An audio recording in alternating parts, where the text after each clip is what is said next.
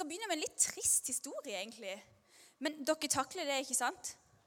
Ja. Dere har det bra. Dere, dere er våkne, liksom. Så dere tåler at jeg begynner litt trist. Jeg skal, jeg skal fortelle om ei jente. Jeg skal ikke si hvem det er, jeg skal ikke si liksom helt hvor gammel hun er, og sånn. men eh, jeg skal fortelle om ei jente som, som har hatt det veldig tøft, egentlig. Og hun, eh, hun er litt eldre enn dere, så hun er liksom ikke helt voksen, men ikke helt ungdom heller.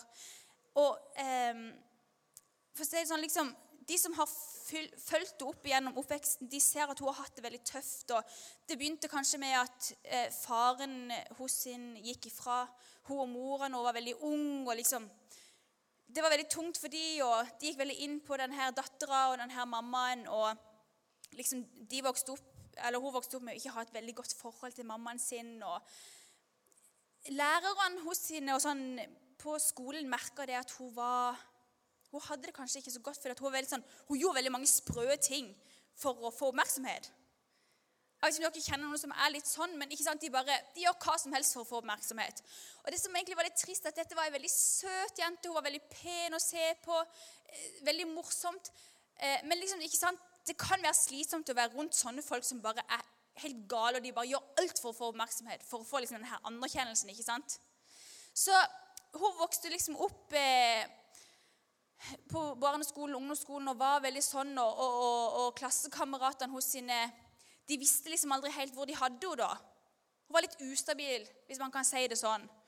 Og eh, ja, de prøvde så godt de kunne å, å være venn med henne, men det var liksom sånn ah, Seriøst, nå finner hun på noe tull igjen, liksom. og ja, Det var litt stress for dem egentlig å være, venn med henne da. Så, så kom liksom ungdomstida. Hun var den første til å prøve forskjellige ting med liksom drikking og, og røyking. Og eh, hun liksom Bare for å imponere eller for å skjønner dere hva jeg mener, for å få litt oppmerksomhet fra de som var rundt henne. Liksom, kanskje Hvis jeg gjør dette, her, så er det noen som vil se meg, eller så er det noen som vil gi meg oppmerksomhet. Og eh, Hun var jo altfor ung til å egentlig drikke, så hun liksom fikk eh, noen eldre gutter til å kjøpe for henne. Liksom, hun ble en del av dette her miljøet da, med sånn festing og Ja, egentlig bare fordi at hun hadde lyst til at noen skulle se henne.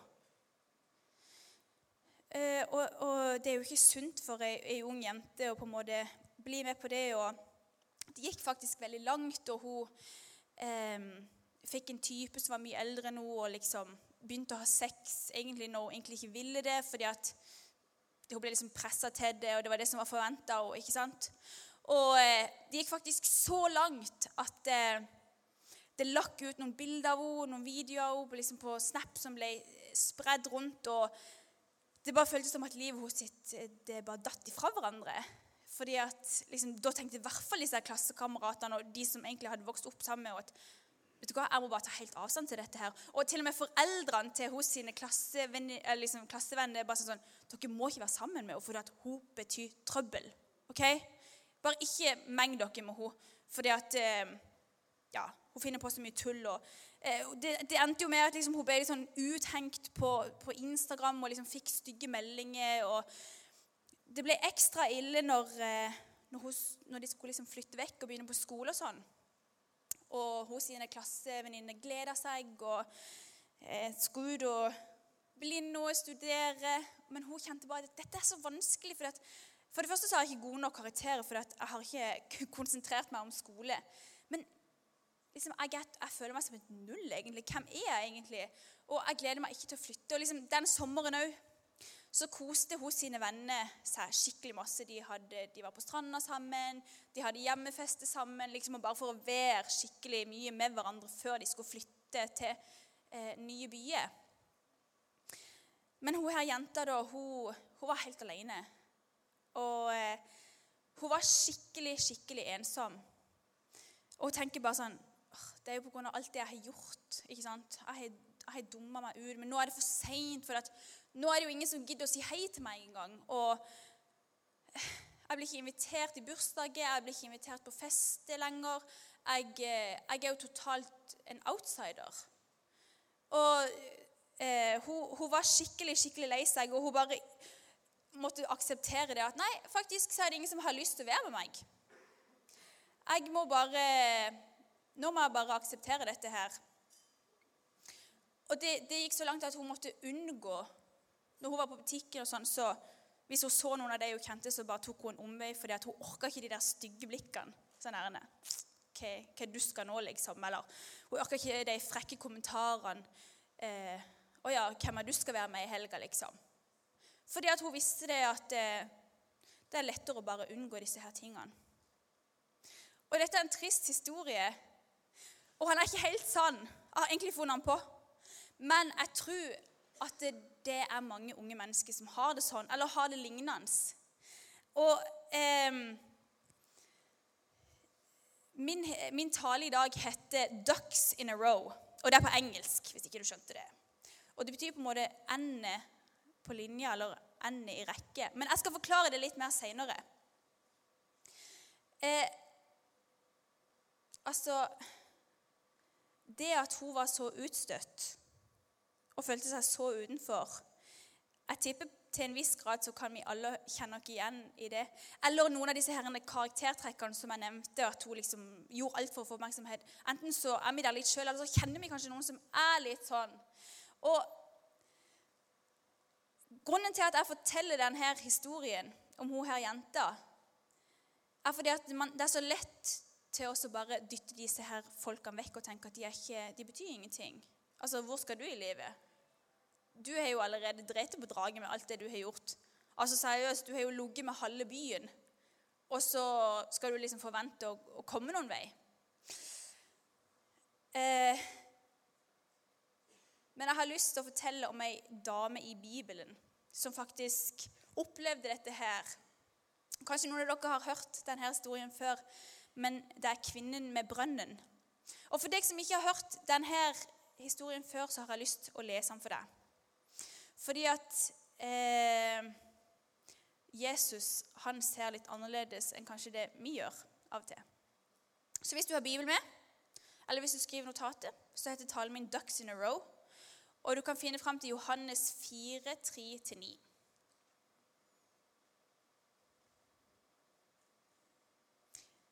Så jeg leser for dere, så følger dere med så godt som mulig. Da dro han fra Judea og dro ned igjen til Galilea. Og han måtte reise gjennom Samaria. Og Der kom han til en by som het Sykar, like ved et jordstykke eh, Jakob ga sin sønn Josef. Der var Jakobs kilden. Jesus var sliten etter vandringa, og han satte seg ned med kilden. Og det var omkring den sjette time. Da kommer en samaritansk kvinne for å hente vann, og Jesus sier til henne, 'La meg få drikke.' Disiplene hans hadde gått inn til byen for å kjøpe mat, og hun sier, hvordan kan du som jøde be meg, en samaritansk kvinne, om å få drikke? For jødene omgås ikke med samaritanerne. Ok, Jeg har delt opp denne historien, for jeg har lyst til å forklare litt imellom. Så Jesus han skal reise fra Judea til Galilea, og det går en vei rundt Samaria. Fordi sånn som jeg leste, så ville helst ikke jødene og samaritanerne være sammen, fordi at de har i mange mange år bare ikke likt hverandre. og De unngår helst den der klinsjen der. ikke sant? Så Jesus hadde, kunne egentlig ha gått rundt, men han valgte å gå rett gjennom Samaria.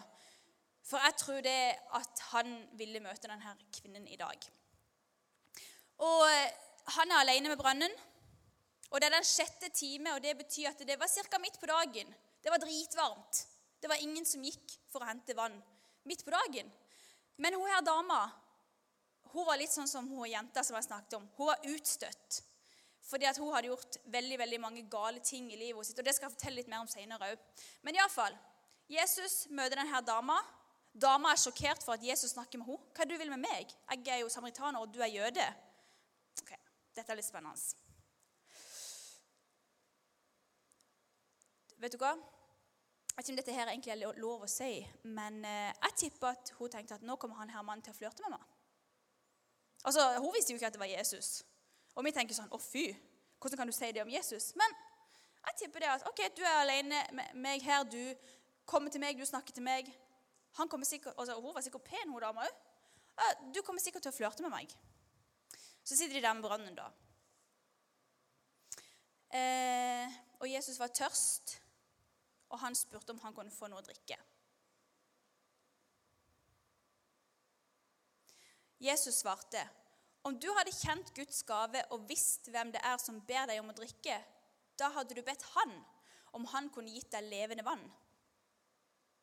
'Herre', sa kvinnen, 'du har ikke noe å dra opp vann med, og brønnen er dyp.' 'Hvor får du da dette levende vannet fra?'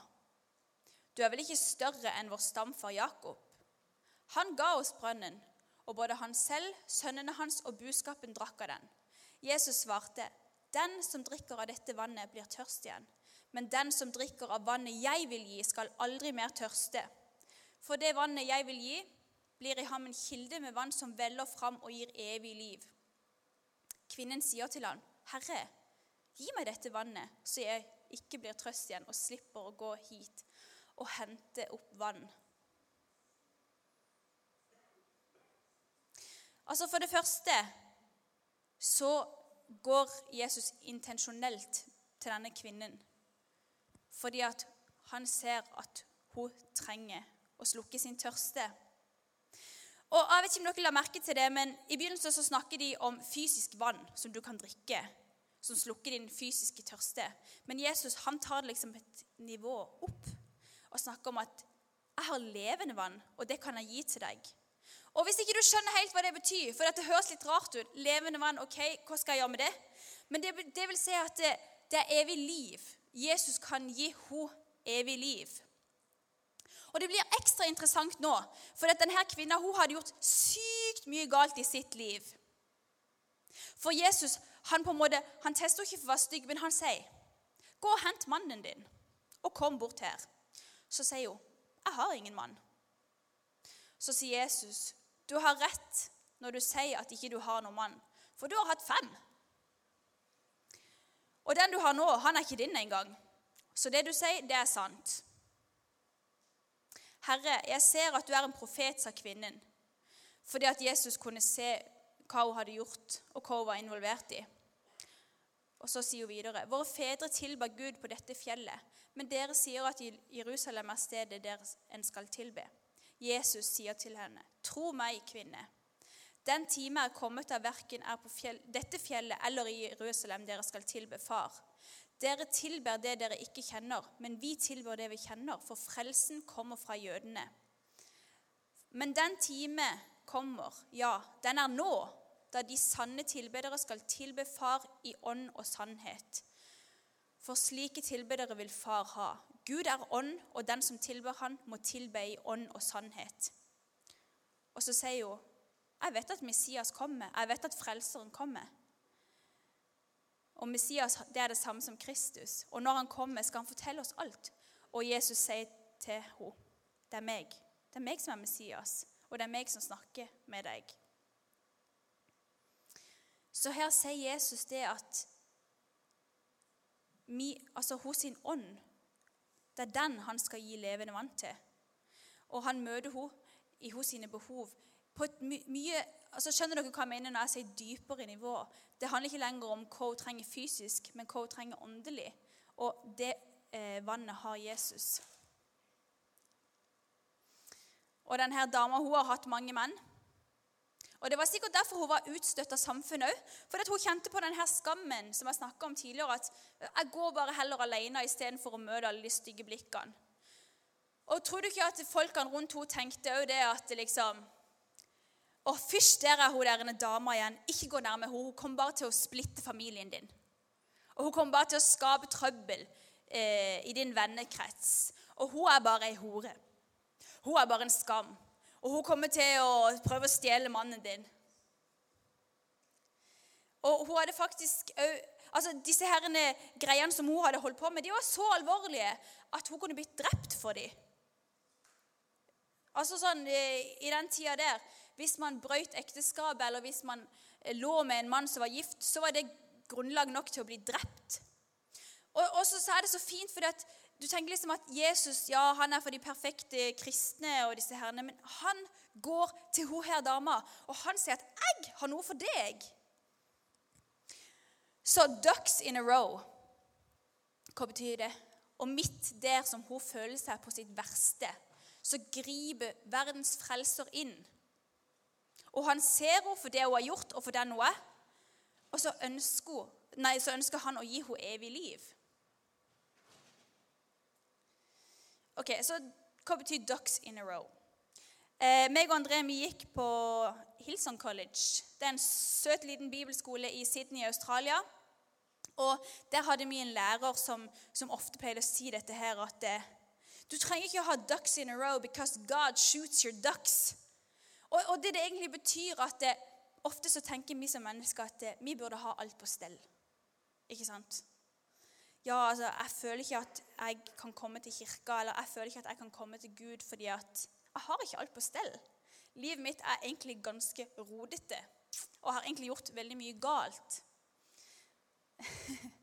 og, og eh, det er liksom sånn ofte, jeg, jeg, jeg hører det hele tida.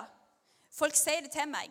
'Ja, Lisa, liksom, du, du er kristen, og det ser ut som du lever sånn et bra liv, men, men jeg, jeg, er ikke sånn.' Jeg kan, jeg kan ikke være kristen, fordi jeg klarer ikke å skjerpe meg. Jeg klarer liksom ikke å leve det livet som du ser ut som du lever. Og jeg tenker med meg sjøl liksom bare Du skulle bare visst. Altså, jeg har gjort mye galt. Eh, det er jo akkurat derfor jeg er en kristen. Fordi at liksom, jeg har tenkt ok, kjære Gud, jeg er fortapt uten deg. Du må komme og hjelpe meg. Og så på en eller annen måte så Med å være sammen med Jesus over flere år, så, så får han lov til å jobbe i oss som mennesker og liksom ta oss med på en reise. Men, men, men, det er helt feil der å tenke sånn Nei, vet du hva? Jeg må bare først, før han kommer til kirka, eller før han kommer til Gud, så må jeg bare slutte å se på porno. Eller så må jeg bare slutte å baksnakke. Eller så må jeg bare slutte å ligge med kjæresten min. Men det er så vanskelig. Jeg klarer det ikke. Og så, og så tenker jeg liksom at en må velge. Jeg skal bare skjerpe meg her litt først, før jeg kan komme til kirka. Og, og, og, for jeg har lyst til å være kristen egentlig, men det er så vanskelig. Altså, jeg er så redd for hva, hva vil skje i russetida når, når, alle begynner å drikke. Jeg, jeg, må bare kanskje bli ferdig med den tida før jeg kan komme til Gud. For det går ikke an å kombinere dette her livet. Men, men, men Gud sier du trenger ikke å ha alle endene på rekke. You don't need to have your ducks in a row for å komme til meg.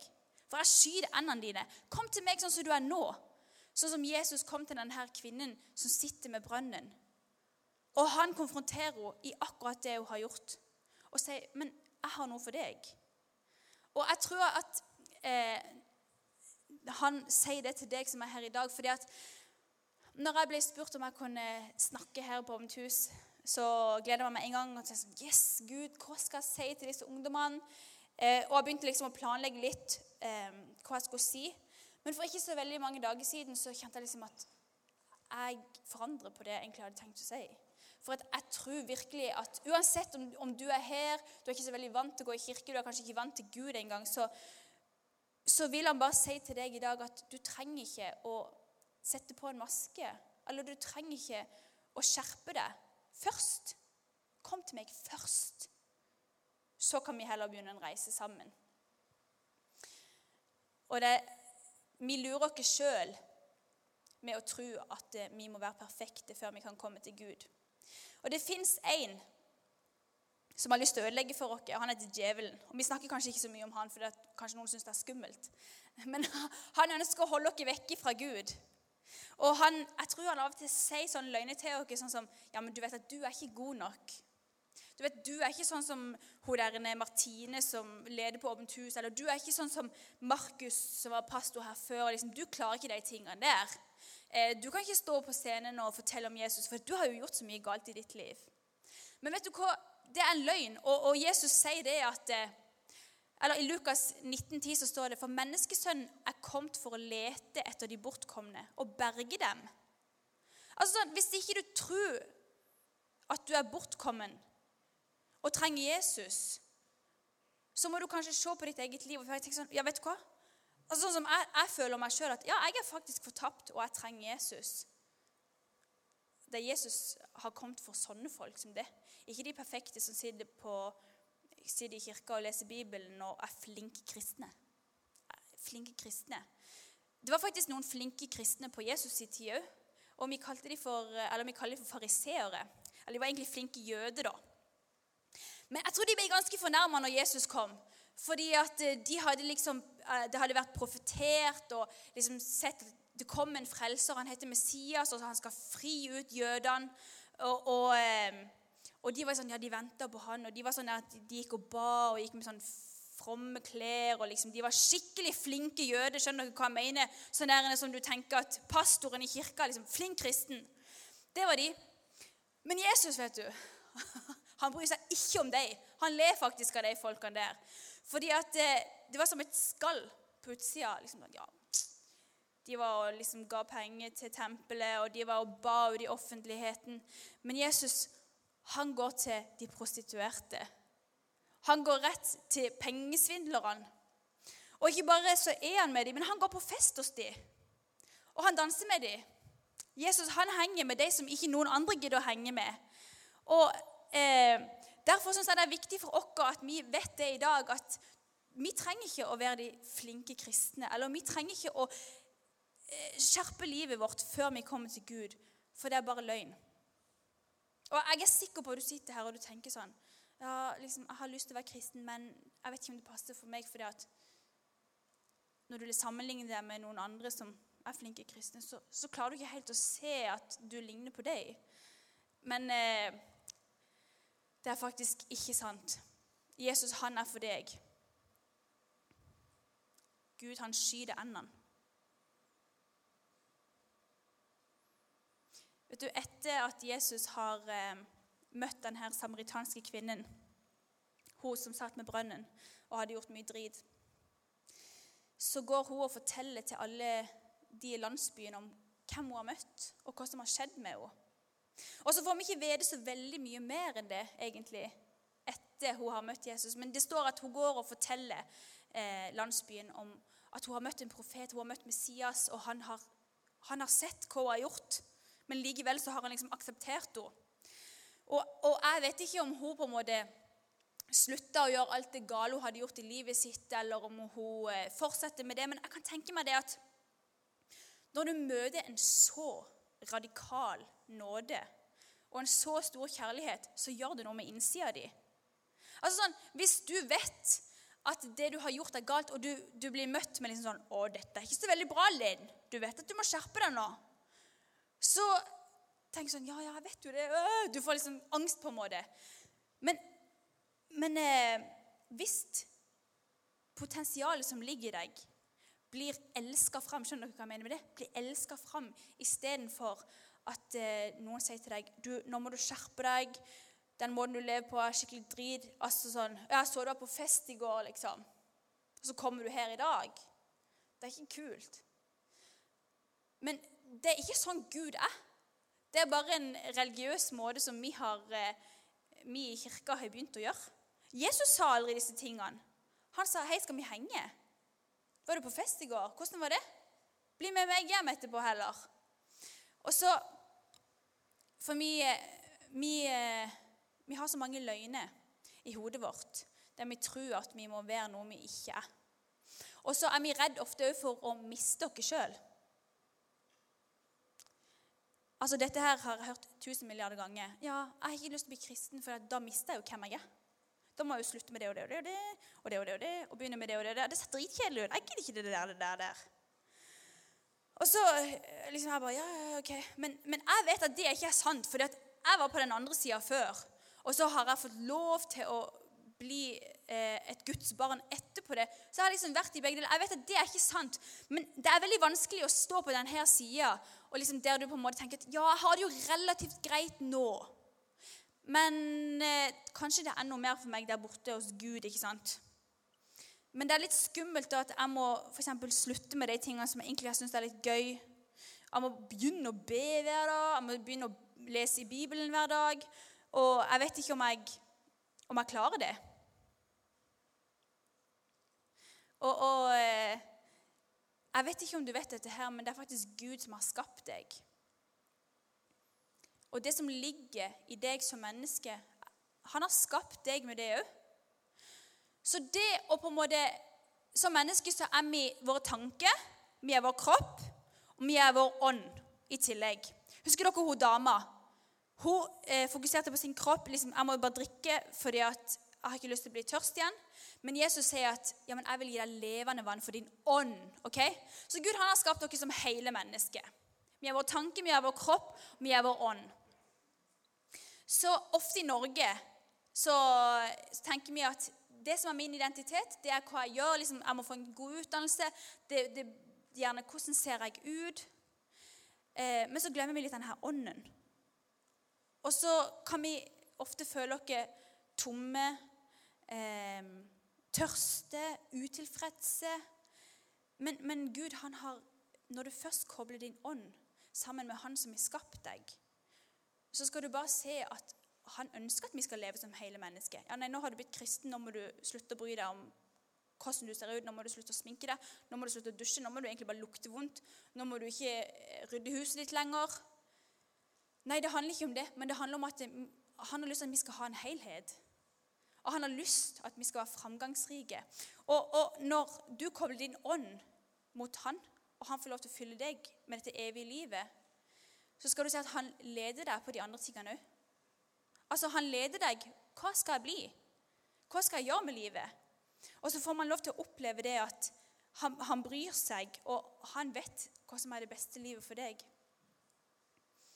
Og, ehm, og det kan være skummelt, og jeg vet det, og liksom det å gi opp hvem man er. Eh, og i Matteus 16, 24-26 så sier Jesus til disiplene sine Om noen vil følge etter meg, må han fornekte seg selv og ta opp sitt kors og følge meg. For den som vil berge sitt liv, skal miste det. Men den som mister sitt liv for min skyld, skal finne det. Hva vil det gagne et menneske om det vinner hele verden, men taper sin sjel? Eller hva skal et menneske gi eh, som vederlag for sin sjel? Og den som vil berge sitt liv, skal miste det.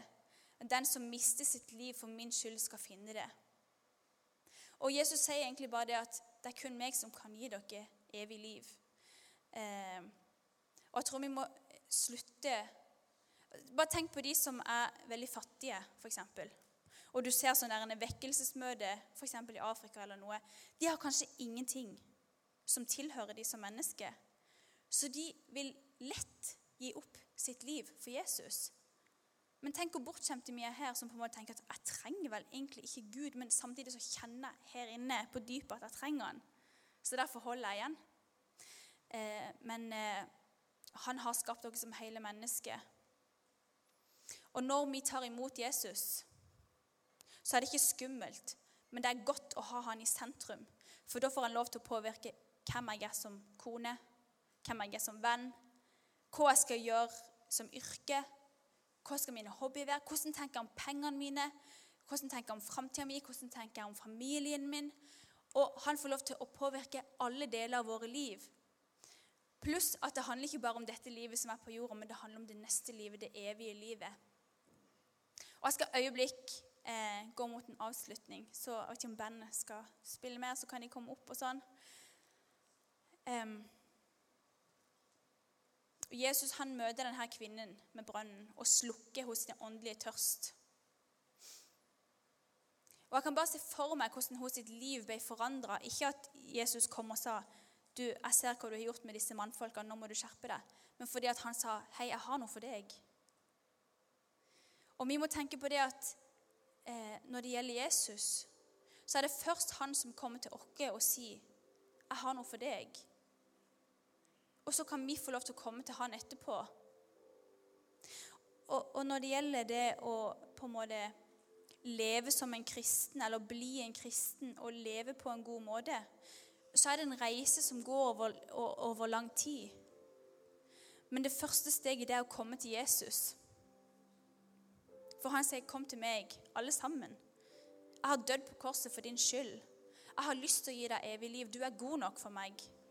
Og du er mer enn en overvinner. Og selv om hvis du har blitt utestengt av eh, dine venner, eller hvis du føler at du har gjort noe dumt, eller du lever et liv som du kanskje angrer på og du skammer deg over, så sier han bare glem det akkurat nå, og bare kom til meg. Så begynner vi en reise sammen. Fordi at det kan være lett å tenke at Gud han, han ønsker at vi skal omvende oss fordi han er streng, eller fordi han dømmer oss, eller fordi vi ikke er gode nok for han. Men han sier det at det er min godhet som driver deg til omvendelse. Altså, La meg si det igjen. Det er min godhet som driver deg til omvendelse. Det er kanskje litt vanskelig å skjønne, men det betyr det at bare kom og vær sammen med meg, så vil jeg vise deg gjennom kjærlighet, gjennom min nåde, hvem du er, og hva jeg har lyst til å gjøre gjennom ditt liv. For at du er verdifull. Og jeg elsker deg så høyt, og du, jeg skal bare vise deg min kjærlighet, sånn at du kan få lov til å blomstre i ditt liv. Og sånn at det som jeg har lagt ned i deg, av talenter, av gave, av potensial, kan få lov til å blomstre og komme ut. Og det er som med frukt. At det tar lang tid før at det kommer fram. ikke sant? For det begynner som et frø, kanskje. Så må man vanne det, så må det spire, så må det gro. Så når du sammenligner deg sjøl med kanskje noen av de lederne som er her, eller noen som du ser på som, som dine forbilder, så så må du tenke at okay, hvor lenge har de vært kristne? Um, jeg skal se på min egen reise, og så skal jeg begynne reisen i dag. Og si det at OK, Jesus, du ser alt det gale jeg har gjort. Uh, du ser hvem jeg er. La oss begynne en reise i dag. Og så er det din godhet som kan drive meg til omvendelse. Det er ikke noe eh, tvang. Eh, det er ikke noe, eh, noe du føler du må leve. Du kan være deg sjøl. Men Jesus han kommer til å forandre deg hvis du slipper han inn for deg. Og det er ikke en forandring til det verre, det er en forvandling til det gode. Og der får du kjenne at det, det potensialet får lov til å blomstre inn i deg. Og ha så troa på at det er noen som sitter her inne i dag som tenker det at Nei, vet du, jeg er ikke, jeg er ikke klar for dette her kristenlivet, for jeg er ikke god nok ennå. Men Jesus bare sier, 'Kom til meg'. Jeg har kommet her i dag gjennom Samaria for å møte deg. Og jeg tror at det kan være noen her òg som har noen mennesker i, i sitt liv som òg eh, tenker dette her at Er det noen i klassen din som er alene, eller er det noen du kjenner som er alene? Så kan du få lov til å si vet du hva, Jesus han har kommet for å fortelle deg at jeg har noe for deg. Du er god nok. Og ja, greit nok, det livet du lever, det må du kanskje endre litt på. For at, hvem vet at man kan jo ikke bare gjøre det man vil. Men la altså, Guds godhet drive deg til omvendelse. Når du elsker noen, så har du lyst til å, å tjene dem. Så har du lyst til å bli bedre. Og sånn er det med når du har et forhold med Gud òg. Så han elsker deg så høyt. Og hvert fall sånn er det med meg at da må jeg bare elske han tilbake igjen. Og så driter jeg på draget, og så gjør jeg noe galt. Men så vil man hele tida Hans godhet har bare gjort at jeg har lyst til å tjene han mer og mer. Jeg har lyst til å fortelle om hans godhet og hans kjærlighet. Og sånn kan det være for deg òg, det er jeg helt sikker på.